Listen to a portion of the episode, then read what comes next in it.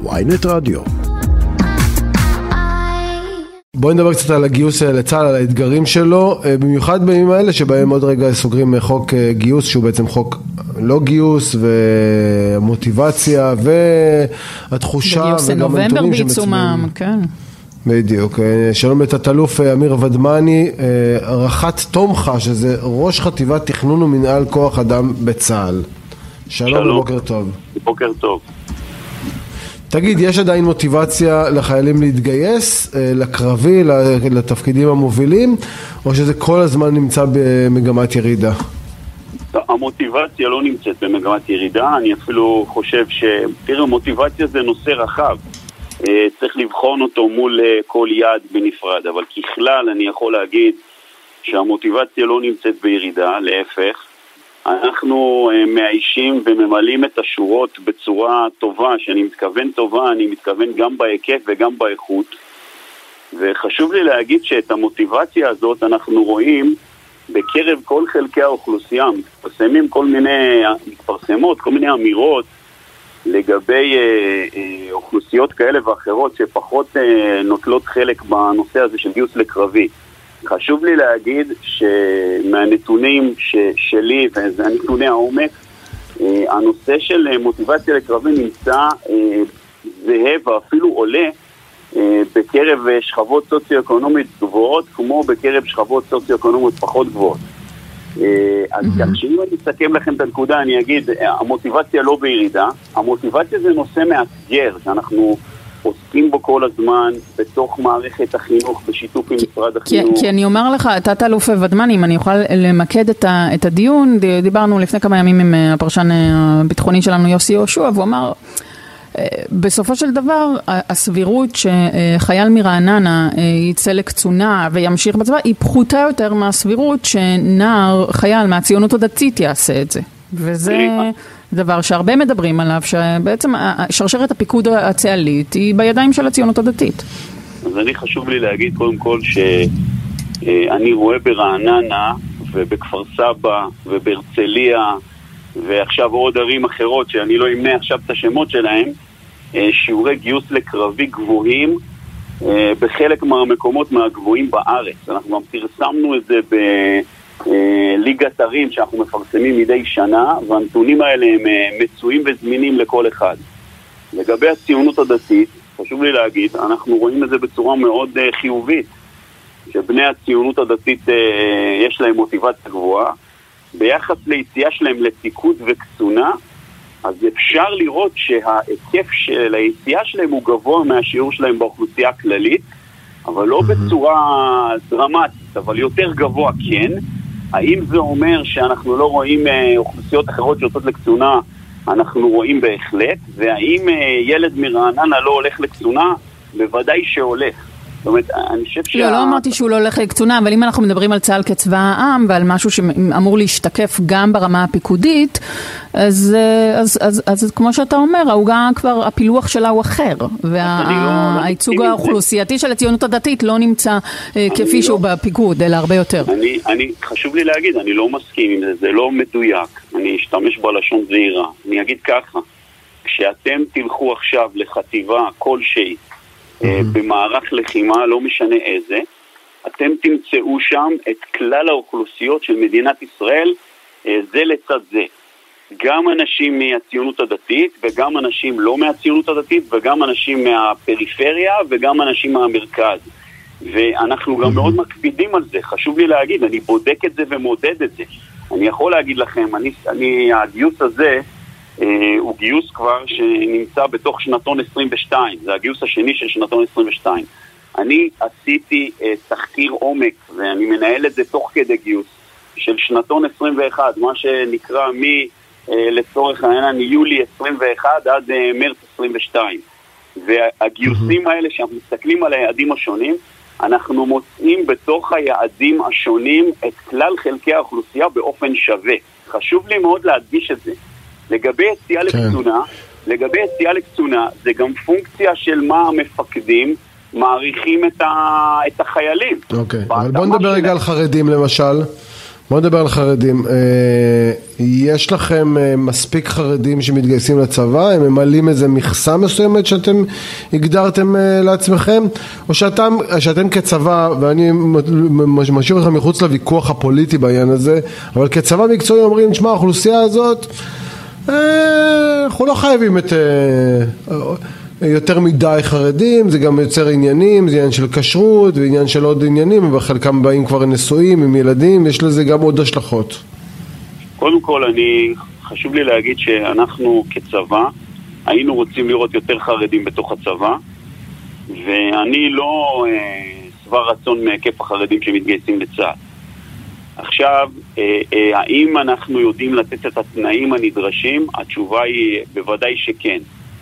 אה, מה אנחנו כן רואים? אנחנו רואים בשלוש שנים האחרונות היקף חרדים פחות או יותר יציב שמתגייס לצה"ל. אני לא אכנס אתכם עכשיו לכל ההגדרות של מי הוא חרדי, מי הוא לא חרדי, אבל בוא נאמר בין 1,200 ל-1,700 שמתגייסים מדי שנה בשלוש שנים האחרונות. מה שכן אני רואה זה שמסלולים חדשים שאנחנו פותחים ממש בחודשים האחרונים לעולם הטכנולוגי זוכים להתעניינות מאוד מאוד גבוהה. עכשיו צריך להגיד שבנושא של החרדים, אני חושב שתהליכים של התחברות לחברה הישראלית הם לא תהליכים שקורים בן לילה ולא בן שנה ולא שנתיים ולא שלוש, זה תהליכים ארוכי טווח. האם אתם שואלים אותי האם יש תהליכים שמתקדמים? התשובה היא כן. האם זה בקצב המספק? אני חושב שאפשר היה יותר. אה, האם אה, אה, אנחנו ערוכים ונכונים ורוצים לקלוט חרדים? כן, ואני אגיד לכם עוד משהו. אם מסתכלים על ישראל 2048, ואנחנו רואים את הנתונים, והנתונים הם שאני יודע לפחות להגיד אותם, זה לפי כמה לומדים בפיקוח החרדי ביחס לפיקוח הממלכתי, ביחס לפיקוח הממלכתי-דתי.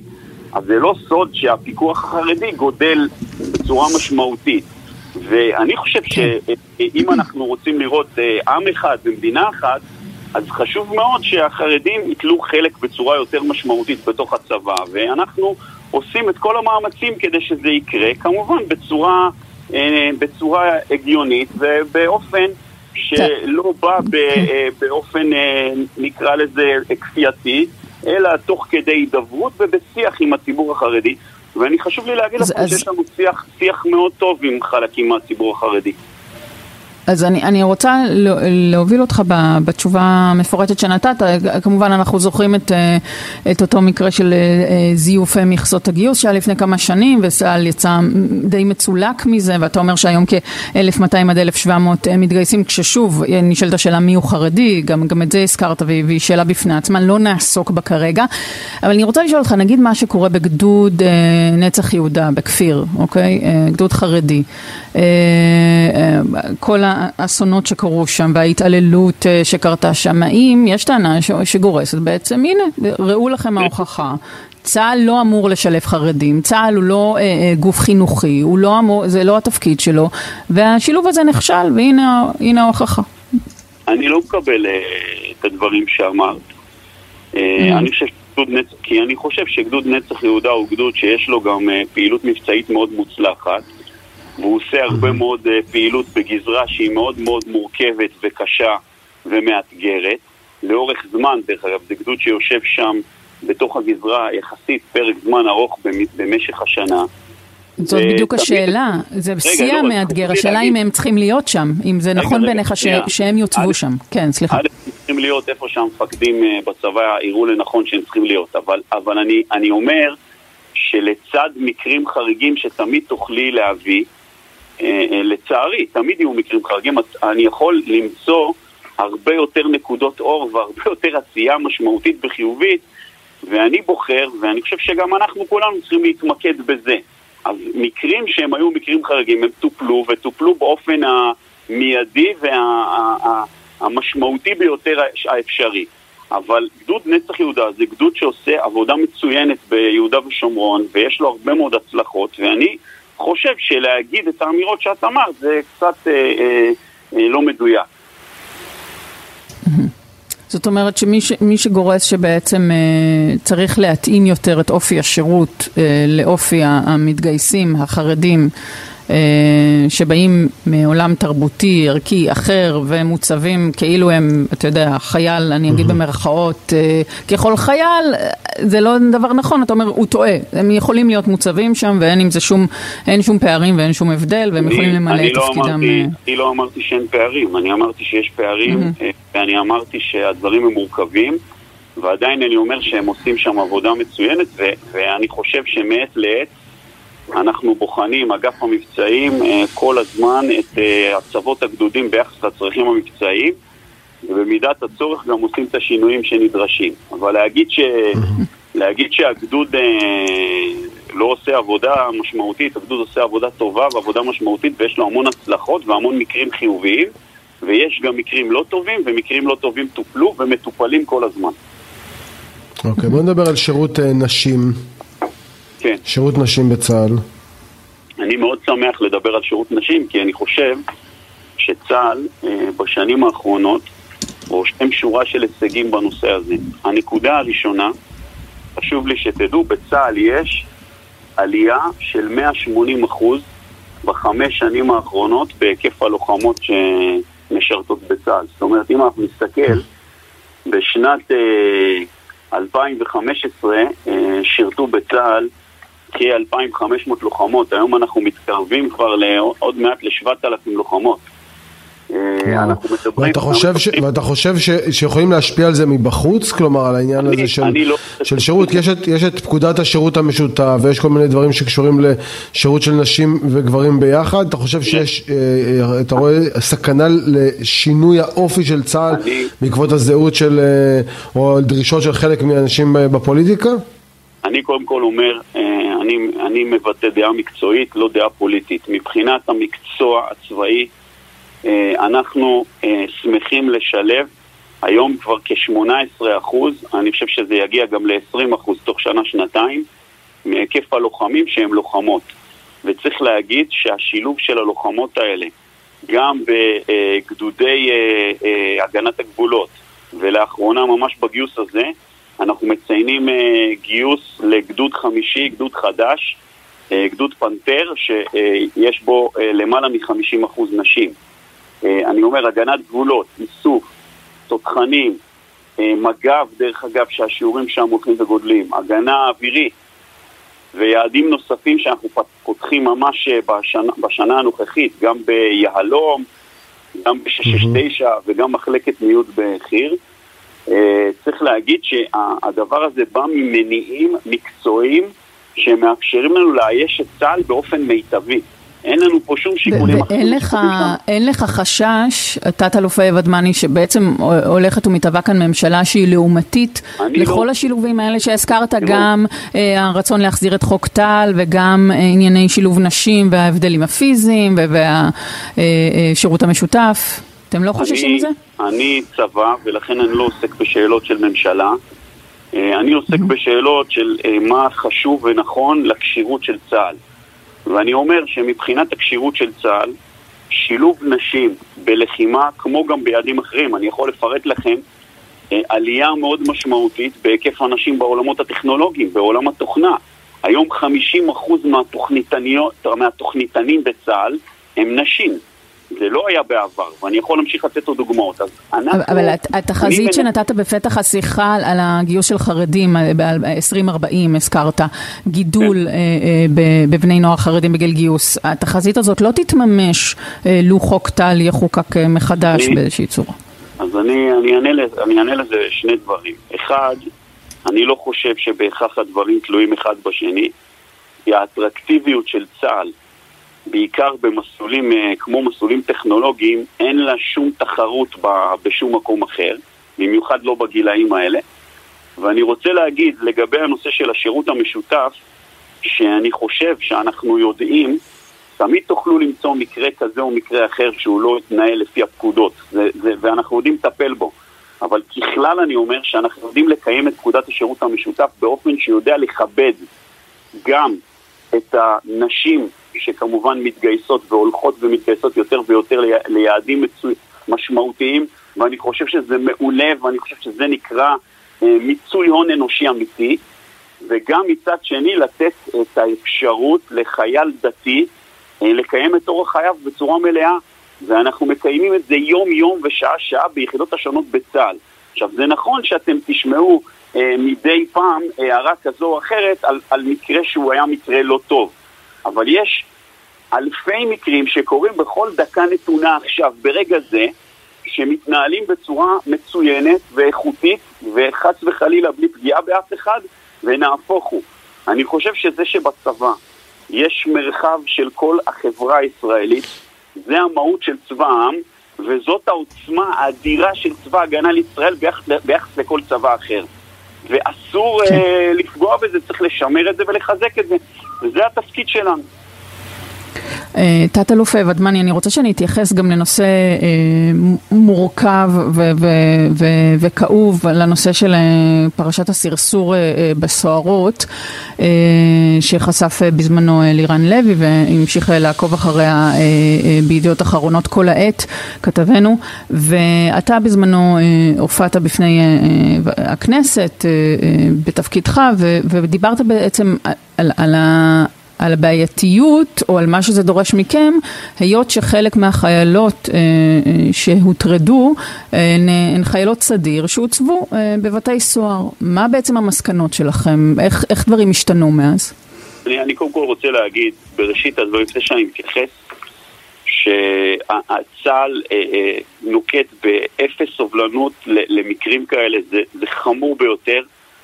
וכל מקרה כזה שאת אומרת אה, פוצע אותי, כאילו אני מרגיש, אני מרגיש עם זה מאוד קשה. קודם כל חשוב לי רגע להגיד את זה כפתיח.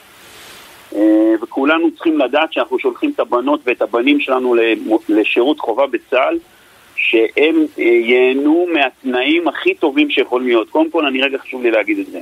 מה אנחנו עושים? אני חושב שמה שעשינו כתוצאה מה... אה, מהתחקיר המאוד נוקב של לירן לוי, זה שבעצם mm-hmm. הקמנו מסגרת אה, של אה, בקרה בראשות אלוף משנה, שדרך אגב כבר עברה בכל בתי הכלא של, של שב"ס, והיא גם עושה את זה דרך אגב ביעדים של השירות של, של, של משרתים במשטרת ישראל, מה שנקרא שח"ם. ואנחנו אה, אה, גם בדקנו את נורמות השירות, את נורמות הטיפול בפרט, את נורמות הטיפול הרפואי באופן שהן יהיו שוות לצה"ל. עכשיו חשוב לי להגיד, כל מי שמשרת, משרתת בשב"ס, זה אה, לא שירות שהוא אה, לצורך העניין אה, היא חייבת להגיע לשם. אנחנו מנהלים שיח, או לא חייב, כן? זה לא קשור לאישה או גבר. כלומר מה, זה התנדבות? שיח... מה, אני לא שומע? זה התנדבות? מה הכוונה לא חייבת להגיע לשם? זה לא התנדבות, אבל זה מצריך הסכמה. שירות מחוץ לצה"ל הוא שירות שאתה לא יכול לעשות אותו בכפייה. ולכן, כתוצאה מהדבר הזה, א', שיפרנו את כל נוהלי הבקרה בצורה מאוד משמעותית. הדבר השני, שאני הנחיתי לחדד בצורה מאוד ברורה את התהליך מול המלש"בים באופן שהם יבינו את המשמעויות ולאן הם רוצים להגיע. יש אנשים מלש"בים, רק נגיד מועמדים לשירות ביטחון, זאת אומרת השלב לפני שאתה כן. מתגייס, שמסבירים לך מה כן. התפקידים שאתה יכול להגיע. נכון, כן.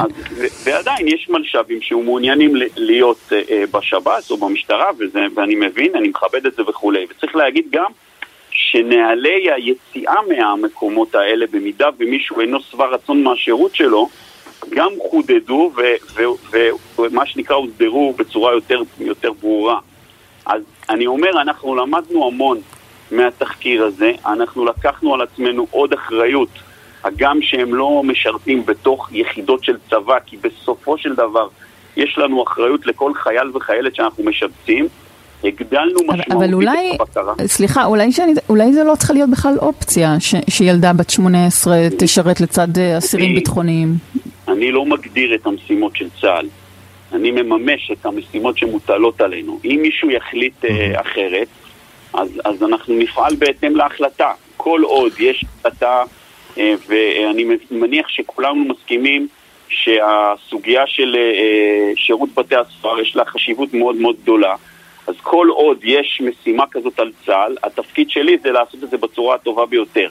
אני עוד פעם אומר, האירוע הזה גרם לנו להמון המון אה, החלטות חדשות, והרחבה משמעותית של הבקרה, כי בהחלט עלו שם דברים לא תקינים בצורה חדה. אנחנו, אני חושב, אחרי הסבבים שעשינו בבתי הכלא, נמצאים במצב אחר. להגיד לכם שאנחנו מסתפקים בזה, התשובה היא לא. זה אומר שאנחנו כל הזמן צריכים כן. לעסוק בזה, וזה דבר שהוספנו אה, לתכולת העיסוקים שלנו כתוצאה מהתחקיר הזה. אוקיי, ממש, ממש במילה, אנחנו צריכים לסיים, תת-אלוף אמיר ודמני, העובדה שיש עכשיו יותר ביקוש של אה, גברים, גם ונשים, ליחידות טכנולוגיות שיסדרו להם את החיים מאשר אה, עניינים קרביים, אתה מרגיש את זה? זאת, א', זו, אני שמח על השאלה כי אה, יש לי הזדמנות פה להגיד אה, משהו. אה, קודם כל, אני חושב שזה מאוד טבעי שיש רצון להגיע ליותר ליחידות טכנולוגיות ולשרת בשירות טכנולוגי, אבל אני רוצה להגיד על זה כמה דברים. אחד, לחימה נשאר ויישאר בראש הצירים של צה"ל, וכל מי שיש לו את הפרופיל הנדרש כדי להיות לוחם, יהיה לוחם. זה קודם כל. עכשיו, חשוב לי להגיד שהמרחק בין לחימה לטכנולוגיה הולך ומטשטש. כלומר, בשדה הקרב כבר הנוכחי, קל וחומר בעתידי, יש שילוב של אמצעים טכנולוגיים הרבה הרבה יותר משמעותיים. וכישורים טכנולוגיים כן. נדרשים גם בשדה הקרב. אחרי זה אני רוצה להגיד שאנחנו ואתה צריך לסיים, ככה זמננו כן, כן, תם. רציתי להגיד את הנקודה הזאת. יצאנו עם שורה של אה, תוכניות שכבר קיימות. לוחמים להייטק, אה, תוכנית אלפא, שזה שילוב של לוחמים בתום השירות שלהם בטכנולוגיה.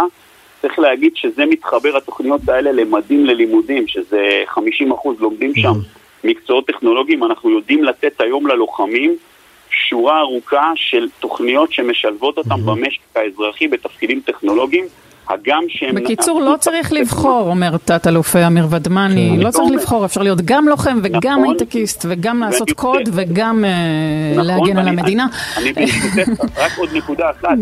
גם אומרים המ- המנכ"לים של חברות ההייטק המובילות, שהכישורים שרוכשים בשדה הקרב, שמתחברים לידע טכנולוגי מוקדם, זה אולי הדבר הכי גבוה, יוזמה, נכון. חשיבה מחוץ לקופסה. נכון, כישורי חיים חשובים. תת-אלוף אמיר ודמני, יחתכו אותנו באוויר, חבל, אה, ראש חטיבת תכנון ומנהל כוח אדם אה, בצה"ל, תודה רבה. ששוחחת איתנו, היה. מאוד אה, מעניין, תודה, בהצלחה.